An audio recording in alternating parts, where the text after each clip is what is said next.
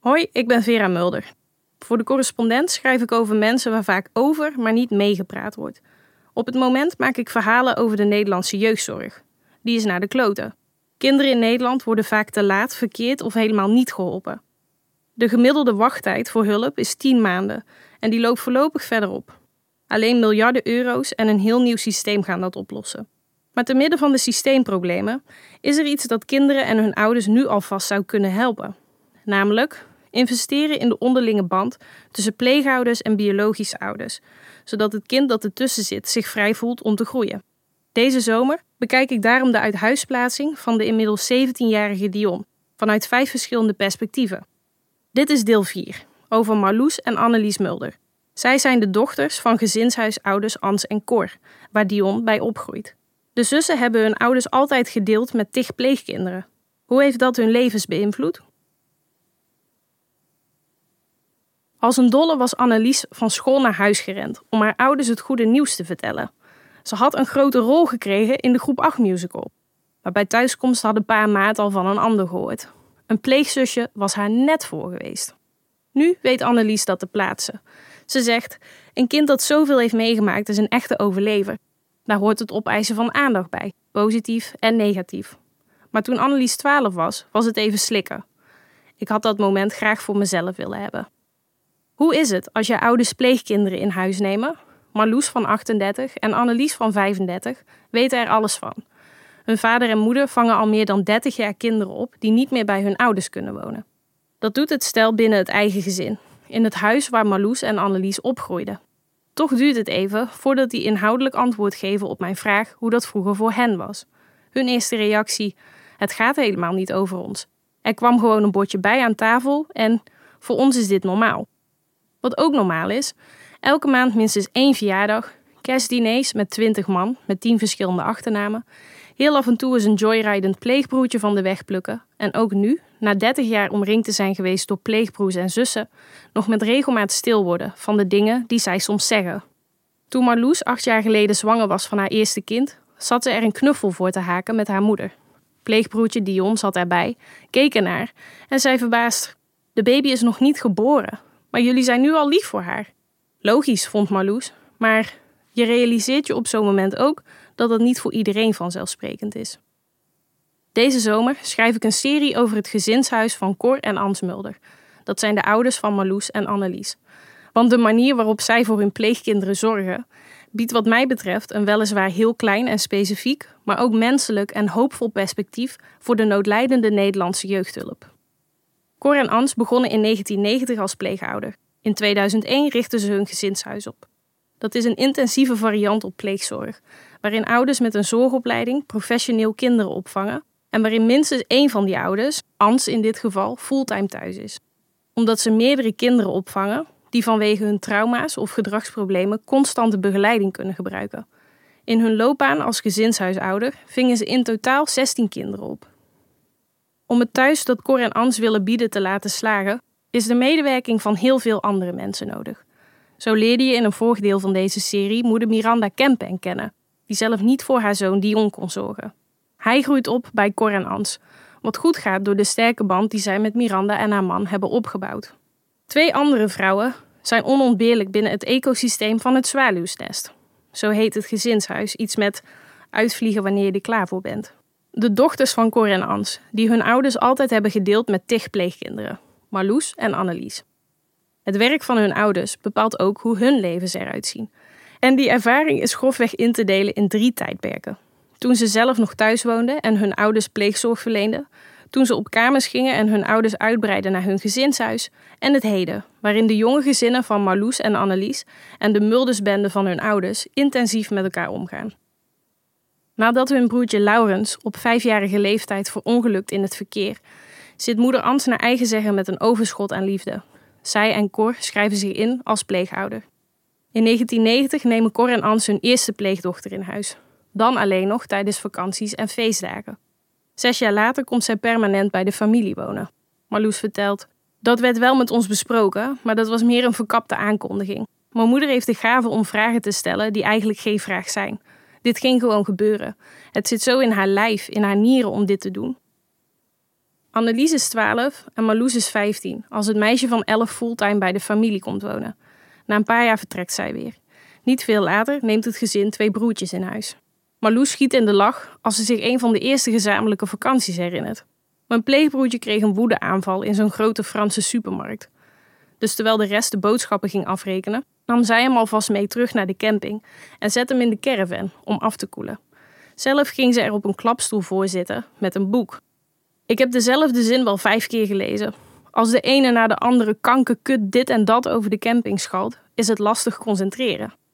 Ik spreek de zussen samen aan de keukentafel van Marloes in een zonnig huis tussen de fruitvelden rond Tiel. Ze woont daar met haar man Joost, dochter Lieke van zeven en zoon Jesper van vier. Vanaf hun huis is het dik een uur rijden naar het Achterhoekse dorp Braamt, waar het gezinshuis staat, en waar Annelies met haar vriend Igor en dochter Ivy van één in de buurt woont. Marloes en haar gezin rijden een paar keer per maand op en neer. Voor mij is het een klein stukje. Voor papa en mama is het een wereldreis. Hun hele leven, ook ons familieleven, speelt zich altijd af rond hun huis. Praktisch is het anders bijna niet te doen. Ze zitten met bezoekregelingen, met kinderen die komen en gaan, die je niet makkelijk alleen thuis kunt laten. Sinds ze zelf moeder is, beziet ze het werk van haar ouders anders, zegt Marloes. Ze kijkt naar zo'n Jesper, die na een korte onderhandeling: Wil je tv kijken? Paw Patrol, Scoola doen? met zijn blokken is gaan spelen. Ze zegt: Ik weet niet of ik het nu al zou willen.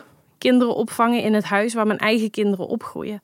Ik denk dat het belangrijk is dat ze eerst hun eigen leven hebben kunnen ontwikkelen, zodat ze stevig in hun schoenen staan en tegen de situatie zijn opgepassen. Hoewel de plaatsingen in Huizen Mulder in de jaren 90 dus meer worden aangekondigd dan bediscussieerd, betrekken Cor en Ans hun dochters van tevoren als er een nieuw kind komt. Marloes zegt daarover: Ze vertelden ons net genoeg waar het kind vandaan kwam, wat de gezinssituatie was. Dan kun je hun soms negatieve gedrag ook beter plaatsen. De woedeuitbarstingen, het liegen, het wantrouwen. Annelies vult aan: hoe jonger je bent, hoe meer indruk die verhalen maken. Dus het had veel invloed op ons. En we wisten op heel jonge leeftijd al dat we echt in onze handjes mochten knijpen met onze eigen situatie, waar onze wieg gestaan had. De twee broertjes, 9 en 6 jaar oud, die bij het gezin komen wonen als Annelies 14 is, gaan ze eerst bezoeken in, zegt Annelies. Een kinderthuis noemen ze het niet meer, hè? Maar een woongroep dan. Daar zat ook een jongetje dat over zijn hele lichaam verbrand was, in een rolstoel. Als je zoiets ziet als kind, dan gaat een hele wereld voor je open. Ik weet zelfs nog hoe dat jongetje heette: Carlos. Ik vroeg mam, kunnen we hem ook niet meenemen? Later breiden Cor en Ans uit en vangen nog meer kinderen tegelijk op. Maar Loes zegt, op een gegeven moment wisten we gewoon, er zijn hier nu vier plekken. Als er een kind wegging en die plek vrij kwam, duurde het nooit lang voor die weer gevuld was. Ook de problematieken van de kinderen die ze opvangen worden met de tijd complexer. Cor en Ans hebben één regel waar ze nooit van afwijken: dat hun eigen kinderen altijd ouder moeten zijn dan de pleegkinderen om geen machtsverschillen in de hand te werken of slechte invloeden. En ook omdat ze dan zelf al ervaring hebben met het opvoeden van een kind in die leeftijd. Marloes zegt: Annelies, jij hebt het wel eens moeilijk gehad. Vooral in het begin, toen je in de klas zat met een van de pleegkinderen. Dan zit je toch in elkaars vaarwater. Je deelt vriendjes en vriendinnetjes. En zoals elke puber heb je dan soms gewoon even genoeg van elkaar. Annelies beaamt dat, maar zegt meteen daarna: Dat had ik misschien ook gehad met een eigen broertje of zusje. En ja, vier extra kinderen in huis. Kinderen met allerhande getroubleerde geschiedenissen bovendien. Betekent ook, en de zussen zeggen het in koor, meer regeltjes. Annelies, geen appelmoes voordat je je groente op hebt. Marloes, geen twee toetjes, want dan loopt het uit de hand. Annelies, niet zomaar iets uit de koelkast pakken. Marloes, om acht uur s'avonds stipt wordt de koffie gedronken en je vraagt altijd of de ander ook wat wil. Marloes is in die tijd, naar eigen zeggen, een rustige puber die haar eigen plan trekt en weinig sturing nodig heeft. Maar die kinderen hebben, omdat ze een instabiele achtergrond hebben, juist structuur nodig. Het geeft ze rust om te weten wat ze kunnen verwachten en dat dat elke dag precies hetzelfde is. Dus mag jij de ene dag twee toetjes, dan mag jij de volgende dag ook wel drie. Je bent steeds maar één stap verwijderd van chaos. Geen twee toetjes dus.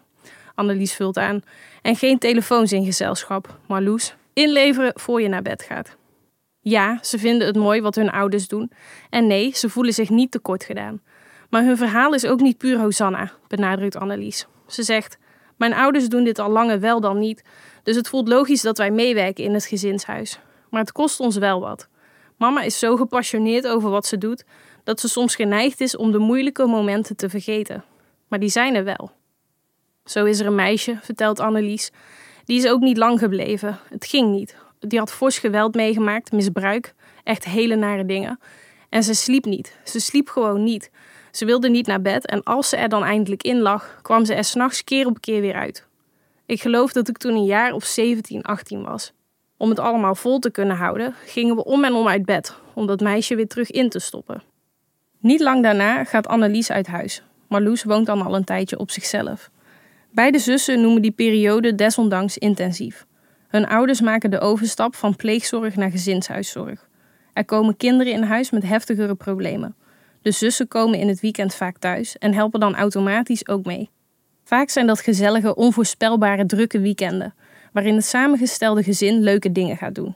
Met de hond het bos achter het huis in, mountainbiken, naar een pretpark, barbecuen. En soms hakken die weekenden erin. Voordat een van hun pleegzusjes moet afzwemmen bijvoorbeeld, rijden Ans en Annelies met haar naar het station. De moeder van het meisje heeft beloofd dat ze zal komen. Het pleegzusje kijkt er al weken naar uit. Annelies zegt: Maar haar moeder zat gewoon niet in de trein. Dat gaat echt door merg en been. Tegenover de doffe ellende die ze soms zijdelings meemaken, merken de zussen in die tijd ook dat zij en de pleegkinderen steeds meer een groot organisch gezin vormen. Marloes, je leert elkaar zo goed kennen, juist doordat je allemaal al een leven hebt gehad en dan ineens op elkaar bent aangewezen. Dan ga je in elkaar verdiepen om elkaar te snappen. Vol bewondering kan ze kijken naar de veerkracht van haar pleegbroertjes en zusjes en naar de manier waarop ze onderling samenleven. Ze moeten het ook maar met elkaar doen, maar ze gunnen elkaar, zegt ze meestal, de wereld. Is de band met hun pleegbroertjes en pleegzusjes vergelijkbaar met hun onderlinge band? Annelies, niet helemaal. Een dergelijke verbinding kun je ook niet verwachten van kinderen die al zoveel hebben meegemaakt. Dat voelt voor hen te kwetsbaar, denk ik. Maar dat is uiteraard mijn interpretatie. Maar als iedereen grappige gedichten over elkaar heeft geschreven voor Sinterklaas, levert dat mooie momenten op. We gaan samen naar een vakantiepark, samen een weekend weg, waar we ons zelfgemaakte ganzenbordspel spelen. En we gaan samen op skivakantie. En die skivakanties en spelletjesavonden zijn druk. Want inmiddels hebben de zussen allebei ook een eigen gezin. Voor de partners van Marloes en Annelies was de zogenaamde Muldesbende, inclusief familievakanties, ontelbare verjaardagen en incidentele chaos in het nest, die ze er gratis bij krijgen, even wennen. Marloes en haar man hebben één keer een pleegbroertje weg zitten kijken, vertelt ze half lachend, half blozend. We gingen op een avond naar pa en ma om ze te verrassen met het nieuws dat ik zwanger was. Hun eerste kleinkind was op komst. De zwangerschap is nog pril, maar ze willen het alleen aan haar ouders vertellen en nog niet aan alle kinderen. Maar momenten waarop de zussen alleen zijn met hun ouders om dit soort gesprekken te voeren, zijn spaarzaam. Cor en Ans hebben net een nieuwe jongen in huis op dat moment en die gaat maar niet naar bed. Het wordt negen uur, tien. Marloes vertelt. Om elf uur zaten we daar nog steeds, maar het was een woensdagavond. We moesten de dag daarna gewoon werken. En het was nog ruim een uur rijden naar huis. En toch, we zeiden niks van, want je wil niet ingrijpen in hoe zij het huishouden daar runnen. Om half twaalf ging die eindelijk naar bed. Pa en ma waren heel blij trouwens. Er valt in al die jaren één keer iets voor dat diepe snijdt. Ans vertelde me er al over toen ik bij haar op bezoek was. En ook op Marloes zelf maakte het diepe indruk. Ik weet na al die jaren dat de woede die de kinderen soms uiten vaker onmacht is dan wat anders. Dat ze een rode waas voor hun ogen krijgen. Dat ze soms dingen roepen die ze niet menen. Maar ze kunnen in zo'n bui wel echt dingen roepen waarvan ze weten dat die je kwetsen. Dus waar vallen ze je op aan? Op je kinderen. Ik weet nog dat ik toen heel blij was dat mijn man Joost daar niet bij was. Die situatie is de enige reden geweest dat ik ooit drie weken niet bij papa en mama op bezoek kwam. Omdat ik daar zo van geschrokken ben. Ik had echt zoiets van: hier wil ik onze kinderen niet aan blootstellen. Marloes, Ans en het betreffende pleegkind voeren een paar goede gesprekken en langzaamaan klaart de lucht. Belangrijk, want de pleegkinderen spelen ook een rol in het leven van de jonge kinderen van Marloes en Annelies, die er op die manier een hoop ooms en tantes om mee te spelen bij hebben gekregen. Zouden de zussen zelf ooit pleegouder of gezinshuisouder willen worden? Annelies niet. Ze heeft een eigen zaak, het past nu niet in haar leven. Marloes heeft er naar eigen zeggen best wel eens over getwijfeld. Maar mijn man zou dat niet willen. Het is 24-7, het houdt nooit op. Onze kinderen zijn nu nog een stuk jonger dan dat wij waren toen de pleegkinderen kwamen. En ik zou sowieso geen kinderen en pleegkinderen in dezelfde leeftijd willen. Dan zou ik wachten tot onze kinderen ouder zijn. Zoon Jesper van vier heeft bijna heel onze interview braaf zitten spelen. maar begint zich nu toch te roeren. Hij brengt me een tasje van lila papier. Blijkt hij zelf gemaakt te hebben voor moederdag, twee maanden geleden. Marloes mag het niet zien, dus ik moet er onder tafel naar kijken. Marloes zegt: Maar het is toch al moederdag geweest, Jesper? Dus ik heb het toch al gezien. Jesper denkt er even over na, haalt zijn schouders op en geeft haar het tasje. Hoe ziet moederdag bij de familie Mulder er eigenlijk uit? Annelies vindt dat een van de bijzonderste dagen. Ze zegt: Nu de pleegkinderen wat ouder zijn, zie je steeds vaker dat ze zich geroepen voelen om iets liefs te doen. Ze regelen altijd een cadeautje voor mama, of voor Ans, want zo noem ik haar tegenover de kinderen. Marloes en Annelies zijn allebei moeder. Dan is er hun moeder, dan zijn er de moeders van de vaders van hun kinderen en dan zijn er ook nog de moeders van de pleegkinderen. Marloes, vroeger was dat wel een dingetje. Toen de kinderen nog zo klein waren dat er wat voor moeders geknutseld moest worden op school. Voor wie maak je dan wat? Voor degene die elke dag voor je zorgt of voor je eigen moeder? Dus er werden vaak twee knutselwerkjes gemaakt. De meeste pleegbroertjes en zusjes zijn inmiddels volwassen en ze wonen al dan niet begeleid op zichzelf. Dion, 17, is nu het jongste pleegkind van hun ouders. En als hij volwassen is, stopt het gezinshuis. Dat betekent overigens niet, zegt Annelies, dat ze elkaar dan uit het oog zullen verliezen. Ze zegt: Op verjaardagen en met feestdagen zien we iedereen automatisch bij mijn ouders. Dan komen er ook kinderen terug die er al lang niet meer wonen. Een van de pleegkinderen ging laatst op kamers in Den Haag. Dan gaan we daar even langs. Maar goed, de realiteit is ook: er zijn intussen zoveel kinderen geweest dat je niet alles en iedereen kunt bijhouden. En toch, zouden ze bellen, dan zou Annelies laten vallen waar ze mee bezig is om te gaan helpen. Omdat je weet, zegt ze, ze hebben vaak geen ouders die dit kunnen doen. Ik bedenk me altijd, zij hebben geen eigen steunnetwerk, dus hun noodscenario's zullen altijd mijn ouders en wij zijn. De samensmelting van de families lijkt de zussen kortom een permanente. Marloes zegt, iedereen zorgt op zijn eigen manier voor elkaar. De ouders van Dion sparen bij de supermarkt speelgoed voor onze kinderen. Max Verstappen Lego, hele tassen vol.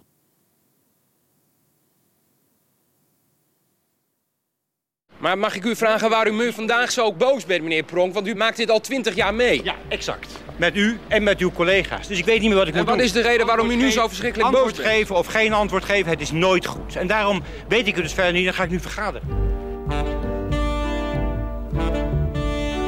Mijn naam is Anouk Nuyens en dit is Jan Pronk, politicus, oud-minister en sociaal-democraat in hart en nieren. Ik ontmoette hem zo'n negen jaar geleden omdat ik wat vragen had en Jan heel veel antwoorden. En sindsdien zijn we ja, vrienden. Hij werd vroeger wel eens het linkse geweten genoemd. En tot mijn schrik duikt hij nu soms ineens op als een stem in mijn geweten. Maar ik was toch jong, woke en feminist. Wat doet Pronk dan in mijn hoofd? Maar dit mag je niet uitzenden. Nee, dat, we praten nog Waarom steeds niet. niet? We praten toch nog steeds niet? Ja, we zijn nu al aan het praten. Oh, dan moet je even stoppen. Nee, wacht even. Ja. Nou, heb, nou heb je mij verleid, omdat we nog niet begonnen waren. Nee, je hebt me toch een beetje verleid. Wat kunnen we van hem leren? Waar heeft hij spijt van? En waarom is de sociaaldemocratie zo uit de mode geraakt? De politieke stroming die massa's mensen op de been kreeg en het gevoel gaf dat we samen alles aankonden en de wereld echt beter zou worden. Waar is dat verhaal gebleven? Luister binnenkort bij de correspondent naar Pronk. Een nieuwe podcastserie van mij, Anouk Nuyens. En van mij, Jacob Brantel, over linkse luchtkastelen en een geheugen dat nooit faalt.